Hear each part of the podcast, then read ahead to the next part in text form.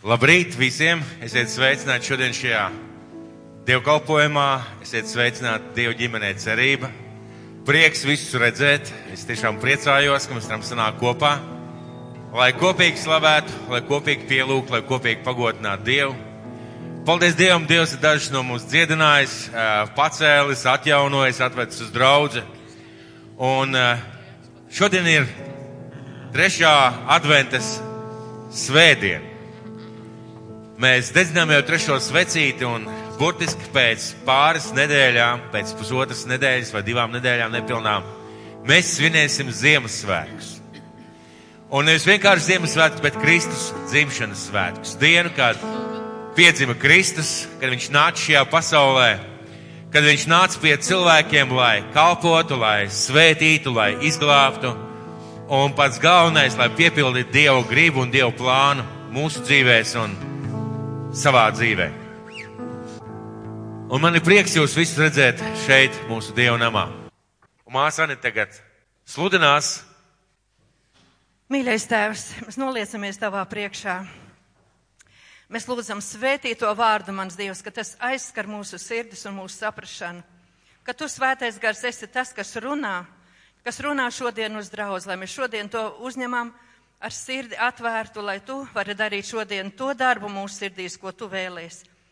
Un tas jaukums, kas nāk no tevis, tas dzīvais pieskāriens, lai tas atnāk mans Dievs, un lai tu vari izdarīt to darbu, kādēļ šis vārds šodien šeit ir sūtīts Jēzus vārdā. Amen. Šodien mēs parunāsim par tēmu, kas valdīs. Tātad, kas valdīs mūsu dzīvēs? Visos laikos un arī tagad notiek kari un karu daudzināšanas. Un tas ir tāpēc, ka pasaulē notiek cīņa par ietvekmes sfērām. Kam piederēs vara, kam piederēs valdīšana? Vienas valstis, grupas un kādas savienības, korporācijas vēlas uzvarēt citas un ieņemt to teritorijas un pakļaut saviem noteikumiem, savai valdīšanai. Terorisms iet plašumā, un tā cēloņus mēs varam atrast Bībelē, Dieva vārdā. Un viss sākās ar lepnību un sacelšanos pret Dievu, kad Lucifers mēģināja piesavināties Dievam piedarošo slavu. Un mēs izlasīsim Iesai 14. nodaļā no 12. līdz 17. pantam. Tātad Iesaijas 14 no 12 līdz 17. Un šeit ir izteikta visa lepnības būtība. Tā ļaunuma sakne, kas nāk no sātana dabas. Un te ir teikts par viņa krišanu. Kā tu esi kritis no debesīm, tu spožās zvaigzne, tu ausekļa dēls. Kā tu nogārs pie zemes, kas tu tautas locīji. Tu gan domāji savā prātā, es kāpšu debesīs un uzcelšu savu troni augstu pār dieva zvaigznēm. Es nometīšos uz sejiešanas kalna pašos ziemeļos. Es uzkāpšu augstumos. Es būšu kā pats visaugstākais. Bet nu tu esi nogārs mirušo valstībā visdziļākā bedrē. Kas tevi redzējuši, tie tevi uzlūkos un domās sevī. Vai tad šis ir tas vīrs, kura priekšā trīcējas zeme? Un drebēja ķēniņu valstis, kas pasauli padarīja par tuksnes un tās pilsētas izpostīja, kas savus gūstekņus nekad neatlaida mājās. Tātad šeit mēs redzam visas lepnības paaugstināšanās sava es lielo varenību. Es uzcelšu savu tronu, es kāpšu debesīs, es nometīšos, es būšu kā pats visaugstākais.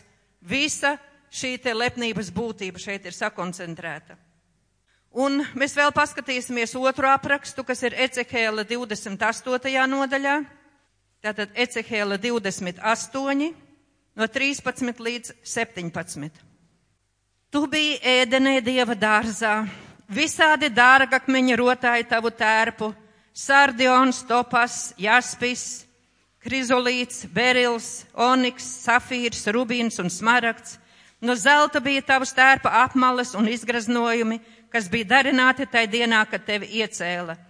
Tu biji svaidīts sargātāja ķerups, es biju tevi iecēlis svētajā dieva kalnā. Tu staigāji degošu akmeņu vidū. Nevainojams tu biji savos ceļos no tās dienas, kad tevi iecēla par ķēniņu, līdz kamēr atrada tevī noziegumu. Tavu plašo tirzniecības sakaru dēļ tavas sirds pildījās ar netaisnību, un kad tu apgrēkojies, es padzinu tevi no dieva kalna, un sargātāji ķerups izraidīja tevi no degošo akmeņu vidus. Tava sirds bija palikusi lepna, tava skaistuma dēļ Tu neklausīji vairs savai gudrībai aiz ārējā spožuma.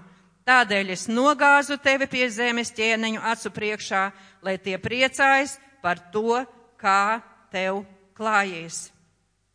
Šeit ir stāstīts par to, par tiras valdnieku, bet zemtekstā mēs skaidri saprotam, ka tas ir teikts par Luciferu, par sātanu, par kritišo eņģeli.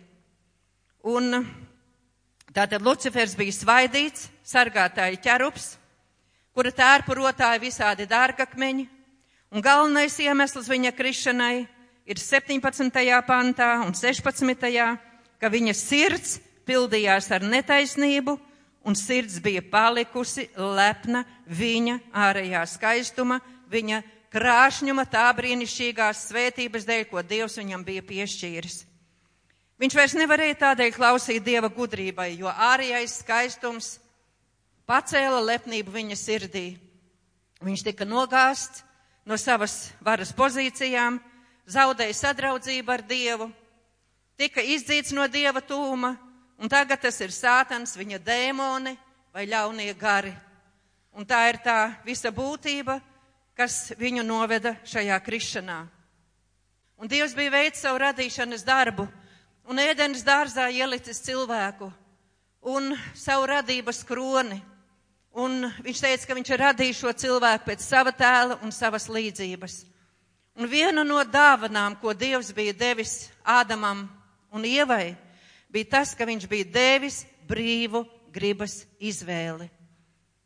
Un tieši uz to mērķēja Sātans, kad pienāca pie Jēzus čūska, pie, pie Ievas čūskas veidā un pierunāja baudīt šo aizliegto augli un inficēja arī cilvēkus ar šo lepnības, neatkarības un buntes indi, lai viņi paši būtu kā Dievs un paši bez Dieva zinātu, kas ir labs un kas ļauns. Un nepaklausības dēļ tie no Dieva sadraudzības tiek izdzīti, un tā pirmie cilvēki tiek piepildīti ar egoismu, ar augstprātību un ar sacelšanās garu. Un šī cilvēku samaitātība turpinās un iet plašumā. Un Dievs saka, ka joprojām tā ir spēcīga nepaklausības bērnos, kas pakļauti gaisa valsts valdniekam, garam, kurš ved cilvēkus dažādās kārībās. Un paskatīsimies kādus notikumus Bībelē, kas ir aprakstīti Daniela grāmatā. Un tur būs stāsts par ķēniņu Nebakadnēceru.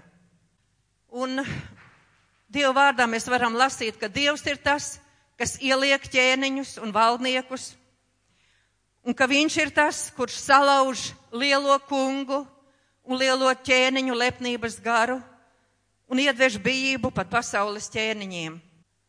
Un šis Bābeles ķēniņš Nebukadnēcars iet kara gājienā pret Jeruzālemi saņem jūdus gūstā un aizved uz savu zemi. Un to starpā ir arī Daniels un viņa draugi. Un tajā periodā Dievs sāk runāt uz Nebukadnēceru un rāda sapņus. Un viņš sasauc visus vārdotājus, savus zīlniekus, savus uh, kaldējus, lai te iztulkot viņa sapni, bet tie nav spējīgi to izdarīt. Un uh, tie saka, ka tas viņiem ir par grūtu un neiespējamu. Un tad ķēniņš izdod pavēli visus šos uh, vārdotājus un visus šos gudros nokaut. Un tas pats likums attiecās arī uz Danielu un uz viņa draugiem, uz viņa biedriem. Un tad Daniels dodas pie ķēniņa un izlūdzas, lai viņš dod laiku šī sapņa iztulkošanai, Un, protams, Daniels noliecās sava dievu priekšā un lūdz dievam gudrību un redzējumu, lai varētu iztulkot šo ķēniņu sapni. Un dievs arī to dod. Un atklāja viņam to, ko tas sapnis nozīmē. Un viņš iet pie ķēniņa un izstāsta ķēniņam šī sapņa nozīmi. Un uh, tas arī saprot ķēniņš, ka tas ir pareizi, tas, ko Daniels viņam skaidro. Un šis pieskāriens vai šī atklāsme, ko šis ķēniņš saņem, mēs to varam izlasīt otrās Daniela grāmatas otrās nodaļas beigās. Tik ļoti aizkustina šo ķēniņu, ka viņš krīt uz sava zvaiga un zemojas Daniela priekšā ar atziņu, uh, ka viņš atzīst to, ka patiesi jūsu dievs ir visu dievu dievs un visu ķēniņu kungs. Un viņš ir tas, kas atklā, atklāja noslēpumus, tādēļ tu arī varēji, Daniela, atklāt šo noslēpumu un izstāstīt man. Tātad ķēniņš, kurš ir neticīgs, kurš, kurš dara dažādas ļaunas elkalpības lietas, viņš pēkšņi nokrīt šī kalpa priekšā un atzīst, ka tas Dievs, kam tu kalpo, Daniela, tas ir gudrības un padoma devējs. Bet ķēniņa sirds visā pilnībā līdz ar to netiek izmainīta vai pārveidota. Vēlāk viņš liek darināt zelta tēlu, kuru liek pielūgt un mesties tā zemē, zemoties. Un kad šie trīs vīri, Sadraks, Mesaks un Abednego to nedara, viņus iemet septiņas reizes uh, stiprāk sakurinātā ceplī vai krāsnī. Un kad Dievs viņus pasargā un viņi iznāk no tā ārā pilnīgi neskarti, kad viņiem nav nekas apsvilis, ne apdedzes, pat deguma smaka nav jūtama, tad atkal tas ķēniņu ļoti nebukāt nēceru uzrunā un viņš atzīst, ka nav cita dieva, viņš saka, kas varētu glābt. Viņš ir tas, kurš dara zīmes un brīnumus. Bet vēl ķēniņam vajadzēja iepazīt Dievu personīgi un personīgi kā valdnieku. Un viņš atkal redz sapni, un atkal neviens to nevar izskaidrot. Tad atnāk Daniels, uzklausa ķēniņa sapni par koku, kurš ir bijis izaudzis tik liels, ka līdz debesīm. Tā augļi ir bagātīgi, lapas ir skaistas, Bet tad atnāk pavēle nocirt šo koku, noplūkt tā lapas un tā augļus izkaisīt. Bet tā celma daļu un saknāju atstāt zemē. Un tālāk tiek runāts par cilvēka sirdi, par šī sapnī redzētā cilvēka sirdi. Un ir teikts, ka cilvēka sirds, lai to pārvērsta par dzīvnieka sirdi. Un lai tā paiet septiņi gadi. Un Daniels saņem no Dieva šī sapņa izskaidrojumu un iet pie šī ķēniņa un izskaidro viņam. Un tas ir rakstīts Daniela 4. nodaļā no 17. panta. Tātad Daniela 4 no 17. panta. Un tā tad viņš saka, ka tas koks, ko tu redzēji, kas kļuva ar vien lielāks un varanāks, tā kā tā galotne sniedzās līdz debesīm, un tas bija redzams visā pasaulē, kura lapas sēga bija skaista, kura augļa bija bagātīga, no kura pārtika visi, kura pavēnī dzīvoja lauku zvēri un kura zaros bija savas līgzdas debesis putni. Tas esi to akķēniņi, kas tu esi kļuvis liels un varens, kura lieliskums tā pieaudzis, ka tas sniedzas līdz debesīm, un kura vara un valstība aiztiepļas līdz pasaules galam. Bet, kad ķēniņš redzēja no debesīm nokāpjam svēto sargu, kas sauca nocērtiet šo koku un iznīciniet to, bet atstājiet tā saknāju un celma daļu zemē, dzels un vara važās zaļajā lauku zālē, lai tas top debes rasas lacināts un tiek pielīdzināts lauku dzīvniekiem, kamēr viņam pāri būs gājuši septiņi gadi, tam ir aka ķēniņš šāda nozīme. Un tas ir visaugstākā lēmums, kas nāks par manu kungu un ķēniņu. Tevi izstums no cilvēku sabiedrības. Tu mitīsi pie lopiem laukā, zāli tev dos ēst kā lopiem, debes rasta tevi slacenās, septiņi gadi pāries tev pāri, kamēr tu atzīsi, ka visaugstākajam ir vara pār cilvēku valstīm, ka viņš var piešķirt valsts valdību, kam vien gribēdams. Un kā bija pavēlēts, lai koku saknāju ar celma daļu atstājis zemē, tam ir šāda nozīme. Tavu ķēniņa valstību tev atkal atdos, līdz ko tu atzīsi, ka debesu dievs valda pār visu. Tādēļ apķēniņa pieņem manu padomu, atsvabinies no saviem grēkiem ar taisnību un no saviem noziegumiem ar žēlsirdību, to parādīdams nelaimīgiem. Varbūt tad tava labklājība un labsajūta varēs pastāvēt jo ilgi. Viss tas pēc tam arī notika ķēniņa nebukadnēcara dzīvē. 12 mēnešus vēlāk staigādams ķēniņa pilī, viņš teica lielīgi. Vai šī nav tā lielā bābele, ko es uzcēlu ar savu spēku? Ķēniņam par mājokli un par godu savai varenībai. Vai mēs jūtam un saprotam to pašu sakni, ko mēs lasījām iepriekšējās rakstu vietās? Tātad viņš to piešķirs tev, visu norakstu uz sevi un saka, ka viņa nopelns ir tajā visā. Un šis vārds vēl nebija izskanējis, ka nāca balss no debesīm. Tā tev, ķēniņa nebukadnaica, ir, ir, ir likts sacīt. Tava ķēniņa valstība un cienība tev ir atņemta. Tevi iztums no cilvēku sabiedrības, tu dzīvosi pie lopiem laukā, tev dos zāli ēst kā lopiem, un tā paies septiņi gadi, iekams tu atzīsi, ka visaugstākajam ir vara par cilvēku ķēniņa valstīm, un ka viņš var ķēniņa valsti piešķirt kam, vien viņš grib. Tūlīt piepildījās šis vārds nebukadnēcera dzīvē, viņu izstūma no cilvēku sabiedrības, viņš ēda zāli kā lopi laukā, debes rasas lacināja viņa miesu, viņam izauga mata tik gari kā ērgļa spalvas, un viņa naga bija kā putnu nagi. Un kad pagāja noteiktais laiks, es nebukadnēcers pacēlu savas acis uz debesīm. Tātad viņš sāka pielūgt Dievu. Viņš sāka meklēt Dievu un viņa palīdzību. Mans saprāts atkal atgriezās manī. Es teicu to visaustāko, es slavēju un pagodināju to, kas dzīvo mūžīgi, kura vara un valdonība ir mūžīga, un kura ķēniņa valstība paliek uz radu radiem. Viņa priekšā pazūd nebūtībā visi zemes iedzīvotāji Viņš dara pēc sava prāta ar debesu pulkiem un ar zemes iedzīvotājiem. Nav neviena, kas varētu aizkavēt viņa roku un viņam sacīt, ko tu tur dari. Tai pašā laikā manī atgriezās atpakaļ mans prāts, un par slavu un uzplaukumu manai valstī atgriezās atpakaļ manā rokā arī mana varenība, mana godība un mans spožums. Mani padomnieki un disciltīgie uzmeklēja mani, iecēla man atkal ķērnišķīgā godībā, mana vara kļuva vēl lielāka.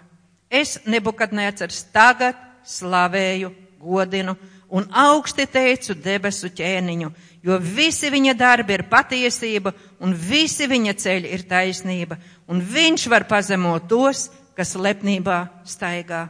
Un šeit mēs redzam sirds pārmaiņu un sirds pārvērtību, domu un sapratnes saprašanu par to, kas ir patiesība, kas ir īstais Dievs, no kā visas lietas nāk un kas ir tas, kam mums jāpateicas, kurš jāslavē un kurš ir, kura priekšā mums ir jāpazemojas. Un tas pirmā mērā, mīļie, attiec arī uz mums. Mēs Dievu varam pazīt kā tādu, kurš dod atklāsmes, gudrību, saprašanu, Varam zināt viņu kā glābēju un kā brīnumu devēju, darītāju, bet ar to vien mūsu dzīvēs nepietiek. Mums viņš ir jāiepazīst arī kā valdnieks, kā noteicējs par mūsu dzīvēm. Un nekas nav tik bīstams kā lepnība. Un šī lepnība vienmēr grib slēpties un paturēt savas pozīcijas. Un pazemība, Jēzus nāca, lai glābtu cilvēks no šī grēka varas, no šīs indes, ko mēs esam saņēmuši vecajā dabā, vecajā ādamā, vecajā mūsu miesas būtībā. Un tā ir pilnīgi pretēja Dieva jēra dabai, kur Jēzus ir pazemīgs, pakļāvīgs, un tā ir tā debesu atmosfēra, kas līdz ar to nāk līdzi Jēzumu. Un tā ir Dieva daba, kas nes dzīvību. Un ja mēs redzam atklāsmes grāmatā, tad mēs tur varam lasīt, ka 24 vecai noliek savus vainagus goda krēsla priekšā un atzīst, ka viss labais nāk no kunga Un visa slava un visa pateicība ir viņam vienīgajam, kurš ar savu gribu ir radījis, veidojis visu un uztur visu. Un tā ir tā sirds attieksme, ko Dievs vēlās arī mūsu dzīvēs. Un katrs koks, viņš barojas ar savu sakni no tām barības vielām, kas ir augstmē. Sātana daba un viss ļaunums nāk no šī egoisma, no augstprātības. Un tā ir tā daba, no kuras mums vajadzīga atbrīvošana. Jo kari, asins izliešanas, šķelšanās, nesaticība, tas viss rodas no pastāvīgām cīņām savā starpā, lai apmierinātu savu egoismu, savas ambīcijas, lai pierādītu savu taisnību. Un tāpēc Jēzus nāca, lai atbrīvotu mūs no šīs ļaunās dabas. Un mūsu izpircēja daba tā ir pilnīgi pretēja un pilnīgi pakļāvīga un padavīga debesu tēvam. Un Dievs saka, lai mums ir tāds pats prāts vai tādas pašas domas, tāda pati sirds attieksme, kā bija Jēzum Kristum, ka viņš Dieva dēls būdams nonāca un bija kā kalps šeit uz zemes. Un viņš bija kā pilnīgas pakļāvības un paklausības paro, paraugs. Un viņš teica, Dievs būdams, no cilvēkiem es godu nepieņemu. Es nemeklēju savu godu.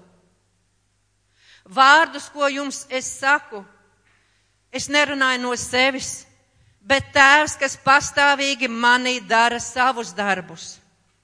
Viņš norāda uz to, ka viss tas, ko viņš dara, ko viņš runā, kur viņš iet, ko viņš grib darīt, tas viss ir tēva sūtīts, tēva paskaidrots un tēva likts viņam tā darīt. Jo viņš bija pilnīgi pakļāvies un uzticējies tēvam un pazemojies tēva priekšā pilnīgi, lai izpildītu savu dieva gribu.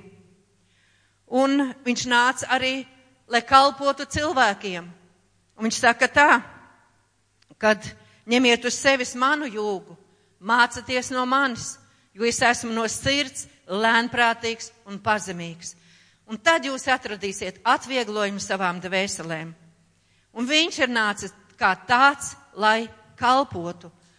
Un vēl viņš teica, ka kas jūsu starpā grib būt pirmais, tas lai ir jūsu kalps. Tā kā cilvēka dēls nav nācis, lai viņam kalpotu, bet lai viņš kalpotu un atdotu savu dzīvību kā atpirkšanas maksu par daudziem.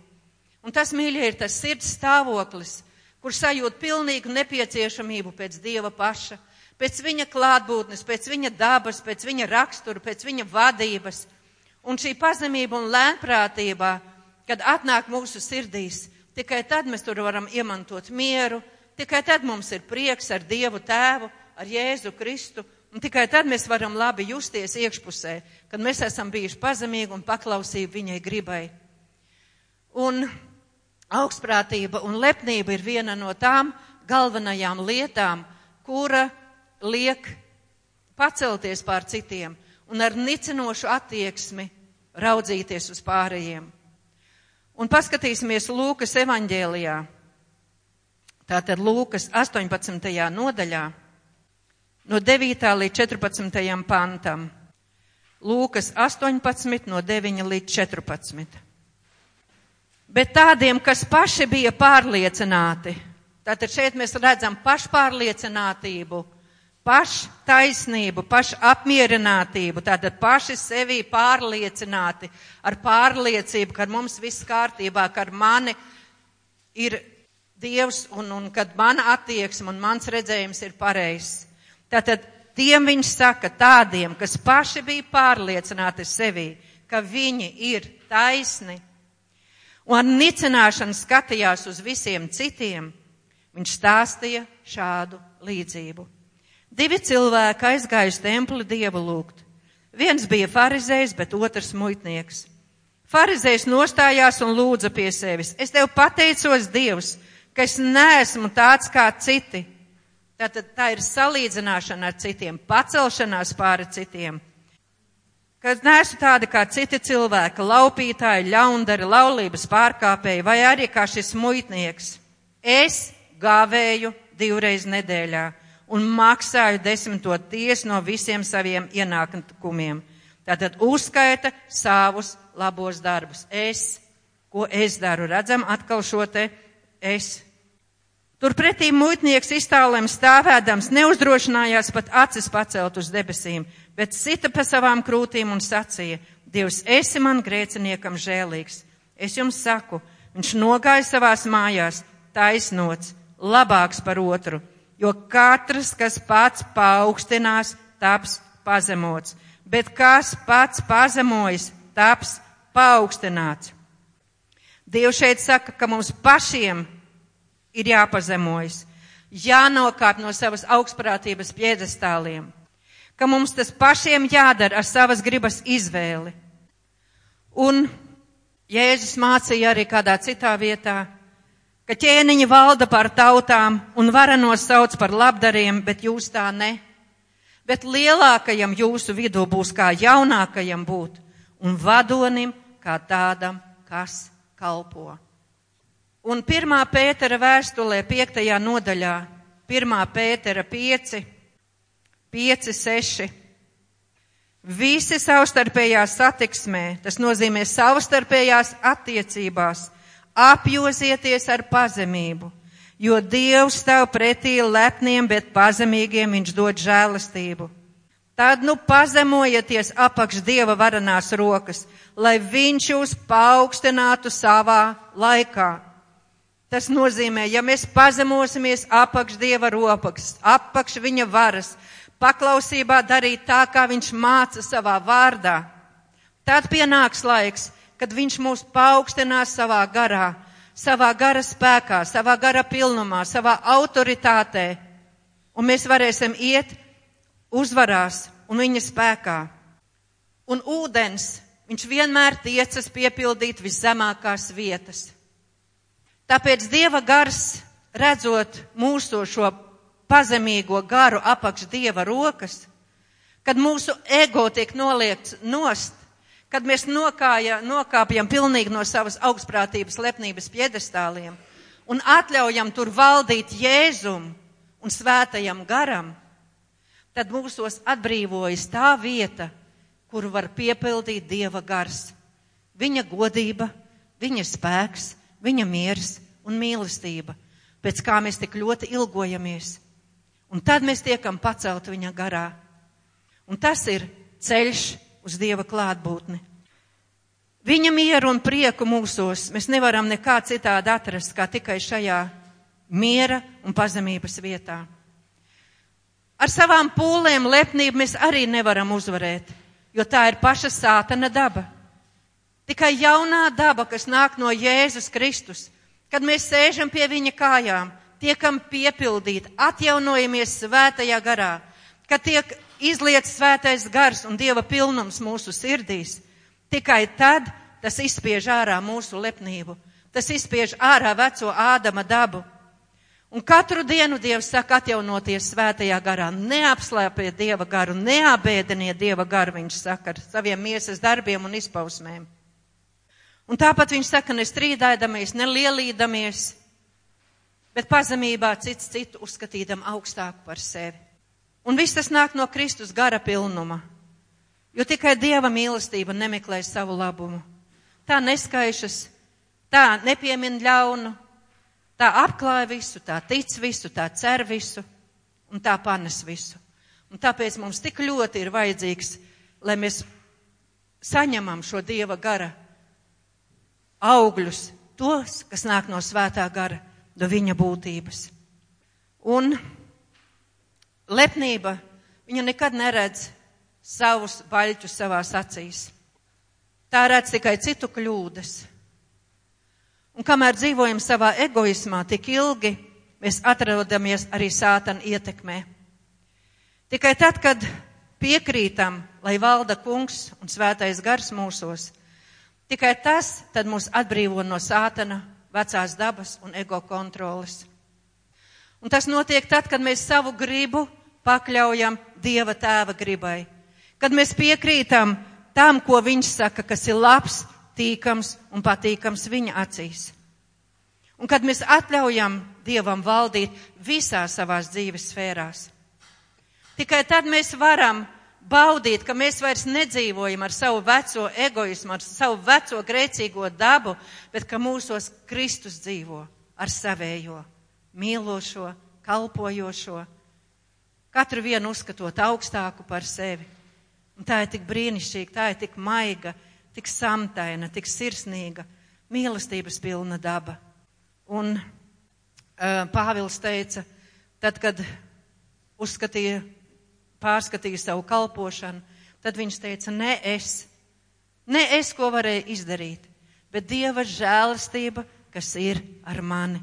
Tas ir Dieva gara spēks, viņa žēlastība, ja mēs kaut ko varam, ja mums kaut kas izdodās, ja kaut kas ir labs mūsu dzīvēs, tas ir no viņa. Jo tikai dzīvības gara likums Jēzu Kristu mūs atbrīvo no grēku un nāvis likuma.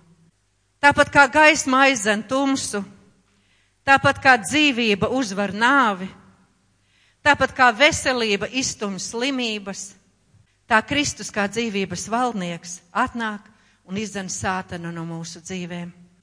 Un mēs arī nevaram veco dabu uzvarēt ar savu paššaustīšanu. Cik briesmīgi slikti mēs esam un tas, un tas nav ne tā.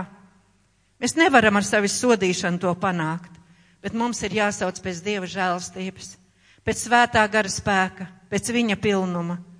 Jo tikai tad, kad mūsu skats tiek pavērsts uz Dievu, kad nogriežamies no sevis uz viņu, kad viņš tiek pacelts pāri mūsu visām problēmām, mūsu vajadzībām, mūsu egoismam, mūsu visām nepatikšanām, kas ir mūsu dzīvēs.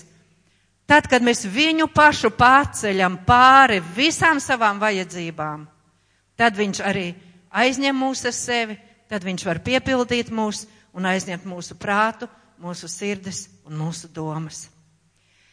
Un Dieva vārdā ir teikts arī, ka mūsu lepnība traucē mūsu ticībai, jo tā nespēja ticēt. Mums ir vien, vienmēr savi uzskati un savi pieņēmumi par Dievu un par viņa lietām.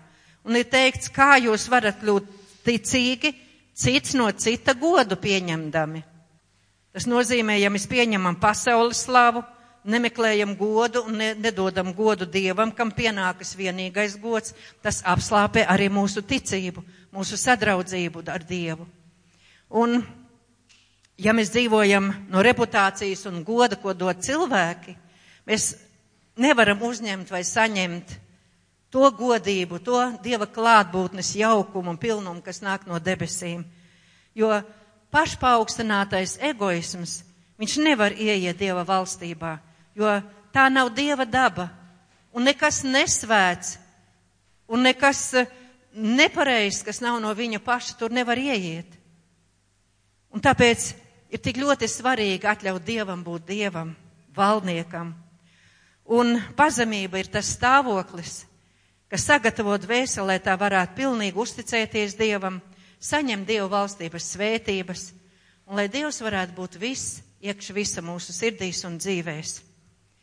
Un katra šī tuvošanās viņam, viņa svētnīcā, Dieva tēva sirdī, viņa varenības priekšā, kad mēs noliecamies, tad tas ir tas ceļš uz viņa slavu, uz viņa godību. Jo mums ir tas pats krusta ceļš, ja teikts mūsu es kad līdz ar Kristu mēs esam krustā sisti, kad nedzīvojam vairs mēs, bet Viņš var dzīvot mūsu dzīvēs. Un ka mūsu vecā daba, mūsu egoisms ir patiešām aprakts nāvē, ka viņš nevar izpausties, nevar mums traucēt, nevar nozagt šīs Dieva svētības un sadraudzību. Un tas ir tā, kad mēs jo vairāk pazemībā noliecamies vai pazemojamies apakš Dieva rokas, taujājot viņa gribu, viņa vēlmes un viņa ceļus, tad arī notiek šī nepārtrauktais process, ka mūsu esiet mazumā un viņš iet lielumā, un ka viņš var darīt tad savu darbus un to, ko viņš ir nolēmis. Un tā mēs soli pa solim ejam kopā ar Dievu, un viņš mūsos veic šo pārveidošanās procesu. Un nedaudz paskatīsimies uz Jēkava dzīvi, kurš pēc dabas bija melis un krāpnieks, Un šī iemesla dēļ viņam bija jābēg no brāļa dusmām un atriebības. Un tā viņš nonāk pie sava radinieka Lābana, kurš savukārt Jēkabu apmāna, izdodot viņam savu vecāko meitu, Leu par sievu, ne viņa mīļoto Rāheli. Un tā Jēkabs strādā pie Lābana septiņus un vēl septiņus gadus, kopā 14 gadus. Un viņš ienmanā sanā ganāmpulkā dabūt labākās avis. Un tā ir pagājuši jau 20 gadi, kopš Jēkabam bija jābēg no savām mājām, jāvairās no sava brāļa dusmām. Un tieši šajā periodā viņa uzrunā Dievs un aicina atgriezties Jēkabu savā dzimtenē, savā zemē. Un Jēkabs nolēma, ka viņš Lābanam neko neteiks, viņš bēgs slepus. Bet uh, Lābans ir par to ļoti dusmīgs, dzenas viņam pakaļ. Bet Dievs viņu uzrunā sapnī un saka, tu Jēkabam nedrīksti teikt neko ne labu, ne sliktu. Tādā veidā uh, Dievs Jēkabu pasargā no Lābana dusmām. Un kad Jēkabs domā par to, kā viņam nokļūt atpakaļ mājās, tad viņš nolem sūtīt savus kalpus pie Ēzava viņa brāļa. Un tad, kad tie atnāk atpakaļ ar ziņu, ka Ēzavs jau viņam pretī nāk ar 400 saviem vīriem, tad Jēkabs ļoti izbijās. Viņš sadalīja savus ļaudis un savus ganāmpulkus divos pulkos un eh, viņa, viņam ir bailes, un viņš izstrādā savu pašaizsardzības plānu. Viņš nolēma, ka uh, viņš lūdz Dievu, lūdz Dievam palīdzību, bet tomēr uzticēties līdz galam Dievam viņš nespēja. Un viņš nolēma iežēlināt brāli, un brālim ar saviem pirmajiem pulkiem nest dāvanas lai kaut kā iežēlinātu un lai, ja, lai brālis viņu nenogalinātu. Un tad, kad viņš visu to jau ir izkārtojis, tad ir situācija, kad viņš paliek viens pats. Un to mēs varam lasīt pirmā mūzes grāmatā, 32. nodaļā, tātad pirmā mūzes 32, no 25 līdz 33. Un Jēkabs palika viens pats un kāds ar viņu cīnījās līdz rīta ausmai. Un, kad tas redzēja, ka nespēja viņu pieveikt, tas aizskāra viņa ciskas kaulu, tā ka jēkaba ciskas kauls izgriezās cīnoties ar viņu. Un tas teica, atlaid mani, jo rīts sāk aust. Bet jēkabs teica, es tevi neatlaidīšu, iekāms tu mani nesvētīsi. Un tas vaicāja, kā tevi sauc, un viņš atbildēja, jēkabs. Tātad viņš nosauc savu vārdu, un viņš saka, ka viņš ir tas melis un krāpnieks, kas viņš bijis savā dzīvē. Bet tas viņam sacīja, tavs vārds turpmāk nebūs jēkabs, bet Izraels. Jo tu ar Dievu un ar cilvēkiem esi cīnījies un esi uzvarējis. Un jēkabs jautājumu sacīja, pasaki jau savu vārdu, bet tas sacīja, kādēļ tu man prasi manu vārdu, un viņš to tur svētīja. Un Jākaps nosauca to vietu par Pnielu. Jo es esmu Dievu redzējis vaigu vaigā un esmu izglābis savu dzīvību. Un saule lēca, kad viņš Pnielē gāja garām, bet viņš kliboja savas gūžas dēļ. Tāpēc Izraela bērni līdz šai dienai nēd gūžas dzīslu, kas iet pār ciskas locītavu, jo Jēkabam bija skarta gūžas dzīsla. Dievs atnāca sastapās personīgi ar Jēkabu. Lai viņa miesas spēki būtu galā. Jo Jēkaba miesas prāts, viņa plāni, neusticēšanās Dievam bija ļoti lieli. Un to pat visvarenajam Dievam bija grūti salauzt. Un bija vajadzīga šī cīņa. Un kad mēs būdami Dieva bērni, piecus, desmit vai divdesmit gadus, vēl joprojām cenšamies paši ar saviem spēkiem, ar saviem plāniem iztikļūt ārā no grūtām situācijām. Tas nozīmē, ka pilnīgi mēs viņam vēl neesam līdz galam uzticējušies. Ka mēs neesam savējo visu to, kas mums ir, kas ap mums ir, nodevuši bez atlikuma viņam. Un ka mēs joprojām savu dzīvi vai kādas lietas turam savā kontrolē. un neusticamies to pilnīgi atdot Dievam. Un tad mums ir jānonāk līdz šim pazemības punktam, lai sirdī atnāk atziņa, ka es bez tevis tiešām neko nespēju un es beidzot padodos. Dievs zināja, ka šajā naktī jēkaba miesas stiprumam, ja viņš netiks salauzts, tad tas var vilkties vēl 20 gadus. Un jā, jēkabs tad netiks pārmainīts no krāpnieka par Izrēli, no miesīgā cilvēka par garīgo. Un mums katram mūsu dzīvēs ir jābūt šim pagrieziena punktam, katra kristieša dzīvē. Pniela ir vieta, kur miesas spēki tiek vaināti, un mēs jūtamies nespēcīgi bez Dieva padoma. Un Dieva vaiga gaismā mēs ieraugam savu lepnību un neatkarīgu no Viņa. Un svētais gars dara savu attīrošo un atbrīvojošo darbu. Tad viss spēks, gudrība un valdīšana tad nāk no Dieva avota. Jēkabs paliek klips, tas nozīmē, ka viņa paša spēka ir galā. Un turpmāk viņam būs jāiet atbalstoties uz savu kungu, bez saviem viltus plāniem, uzticoties beidzot Dievam līdz galam. Un kad mēs sevi kļūstam vāji un nespēcīgi, tad Dieva spēks var varans parādīties. Un tad tajos mirkļos mēs pieķeramies Dievam kā nekad agrāk. Un Izraels nozīmē tulkojumā tas, kas valda kopā ar Dievu. Nevairs atsevišķi atdalīta no Dieva, bet kopā ar Dievu. Un tad tiek zaudēta šī pašpārliecinātība, neatkarība no Dieva, sava lepnība, savi egoismi, savi ceļi, savi izdomājumi.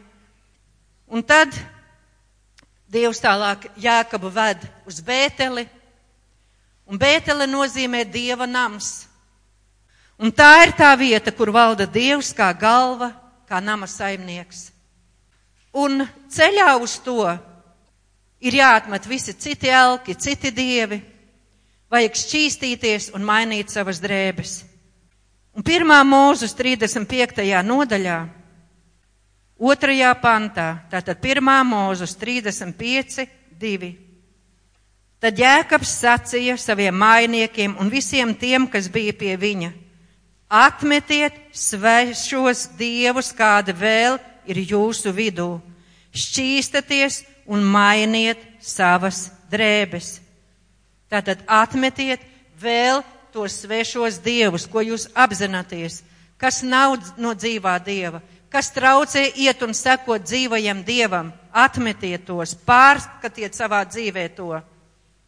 Šķīstaties, Mainiet savas drēbes, mainiet savu sirdi, savu domāšanu, savus uzskatus. Visu, kam jāmainās, lai Dieva gars var mainīt. Un tas notiek pie zihēmas. Un zihēma savukārt nozīmē Dieva plecs vai pleca spēks. Tas spēks, kas nāk no Dieva, no Dieva gara. Un tikai Dievam ir pilnīgi vara un spēks pilnīgi tik galā ar mūsu elkiem, ar mūsu lielo esi ar mūsu egoismu. Jo Dieva namā ir jāmājo tikai Dievam vienīgajam, un visam pāriem jātop ir atmestam. Tāpēc, ka Dievs saka, ka es esmu visspēcīgais Dievs. Tas, kas grib valdīt Dieva namā, sirdī un visās mūsu dzīves sfērās. Un tad, kad cilvēks pilnīgi salūst sava Dieva priekšā, viņš tiek šķīstīts, Dievs tad svaida ar savu svētā gara pilnumu. Un tad nāk izmaiņas sirdī. Un Dievs meklē tādas sirdis, kas viņam pilnīgi pakļausies un piederēs. Kad Kristus varēs visā pilnībā tad izpausties kā apskaidrošanas cerība, kā godības ķēniņš, kā godības kungs un nama saimnieks. Un šajā punktā tad mēs kļūstam par Kristus līdzmantniekiem un darba biedriem. Viņš mums uzticēs autoritāti, spēku un dos savus norādījumus, kur ko darīt un kādā ceļā un kādā veidā. Un tad mēs varēsim baudīt viņa klātbūtni un viņa svētības. Un sātens vairs nevar iespaidot tādu cilvēku, kurš ir miris priekš sevis. Tad Dievs tēva sodošā roka kļūs par viņa svētījošo roku. Un Kristus pazemība mūs atbrīvos no sātana kontrolas, jeb kāda veida miesas darbiem un savām paša egoismu izpausmēm. Un pazemības stāvoklis ir tas, tā vieta, kur izlaiž Dieva žēlastība. Un tas ir Dieva gara pilnuma sirds stāvoklis. Patiesas laimes un Dieva klātbūtnes mājošanas vieta. Kad Kristus gars ir uzvarējis un pats visā pilnībā var apsēsties mūsu sirdstronī, mūsu dzīves tronī, patiesi valdīt, gara spēkā un uzvarā. Tad mēs līdz ar viņu varam iet Kristus uzvaras gājienā. Lai Dievs dod mums piedzīvot tādu sirds stāvokli, kā ir teikts Dieva vārdā, kad jūs visu, jums, kas jums būs uzdots, būsiet izpildījuši, sakiet, mēs esam necienīgi kalpi un esam darījuši tikai to, kas bija mūsu pienākums. Noliksim visus savus kroņus, savus nopelnus pie viņa kājām. Atzīsim, ka tikai viņš ir varens un liels, un tikai ka no viņa nāk viss labais, un tikai viņam pieder viss gods un slava, un lai viņš varētu valdīt visā pilnībā jo cilvēka lepnība viņu gāzīs, bet pazemīgie iemantos godu. Lai Dievs mūs visus žēlo, ka mums nav jākrīt dēļ šīm te lietām, bet ka mēs varam kopā ar viņu svētā gara spēkā visu to uzvarēt, atbrīvoties no tā visa, būt viņam tīri, sataisīti, spēka un gara pilni trauki, lai viņš varētu darīt to darbu, ko viņš uz zemes grib darīt. Nolieksimies viņa priekšā un lūksim par to. Mīļais debesu Tēvs, Jēzus vārdā, mēs atzīstam šo patiesību, ka viss labais, skaistais un brīnišķīgais nāk tikai no Tevis. Un Tu tikai esi vienīgais, kas savā spēkā var darīt zīmes un brīnumus, ka Tu esi vienīgais, no kura nāk vārds, un atziņa un sapratne. Tu esi tas mūsu glābējs un pestītājs, bet palīdz mums tevi iepazīt arī kā valdnieku, kā pilnīgu valdnieku par visām savām dzīves sfērām. Ka tu vari sēdēt visā pilnībā uz sirds troņa un būt noteicējs, un ka mēs vienmēr noliektos tavā priekšā un izjautātu tavu ceļu, tavu gribu un tavu vadību, lai mēs būtu pilni ar tavu godību ar tavu žēlstību, ar taviem augļiem, kas nāk no tevis. Un lai nekad mums nevajadzētu piedzīvot tādus sodus, kā piedzīvoja Nebukadnēcars. Lai mums nekad mūsu dzīvēs netiek, mans Dievs, piedzīvot šis vārds, ka mēs gāžamies savas lepnības dēļ. Kungs, bībā mēs noliecamies tavā priekšā un lūdzam, piepildi mums ar savu pazemību, ar savu pakļāvību, ar savu paklausību un savu atkarību no tēva, kā tu biji pakļāvīgs un atkarīgs no tēva visā pilnībā. Jo tikai šis sirds stāvoklis ir pareizais stāvoklis, un tikai tur nav nekādas krišanas vai gāšanās. Tās mēs lūdzamies. Uztur mūs ar savu roku, un svētais gars palīdz mums, atgādina mums, parādi, jo lepnība viņa mīl slēpties. Viņa negrib ieraudzīt lietas patiesā gaismā bet tu vienmēr esi tas gaismas prožektors, uzrādi mums patiesību, lai tava patiesība mūs dara brīvus, lai mēs varam staigāt tavā brīvībā, lai mēs varam staigāt mierā, sadraudzībā ar tevi un ar visiem citiem, un lai mūsu sirdīs un mūsu dzīvēs var parādīties tavi svētā gara mīlestības augļi, kas visu panes, visu tic, visu cer, kas nemeklē savu labumu, nav uzpūtīga, neskaišās, bet visu piedota, visu pārklāja, jo tikai pazemība var visu atlaist, piedot un pārklāt. Un tās veido mūsu sirdis, turpina mūsu sirdīs savu darbu un dari to žēlastību, ka tu vari izdarīt to līdz viņai dienai, lai mēs svēti, šķīsti un nevainīgi varētu nostāties tavas godības priekšā. Lai mums nekas netraucē ieiet tavas dieva valstības krāšņumā, tajā skaistumā, tajā godības bagātībā, kas nāk no tevis. Tēvs, mēs tam veltījamies, mēs tam svētījamies un lūdzam tevi. Turpini šo darbu mūsos un sargā no visa launā, lai mums nav jāgāžās, lai mums nav jākrīt, bet lai mēs varam stingri un taisni iet uz savām kājām ar tavu gara pilnumu, ar tavu žēlstību, ar tavu pilnīgu atkarību no tevis, pakļāvību, pazemību un paklausību tavā priekšā. To mēs lūdzamies un liekam tavās rokās Jēzus Kristus vārdā. Amen!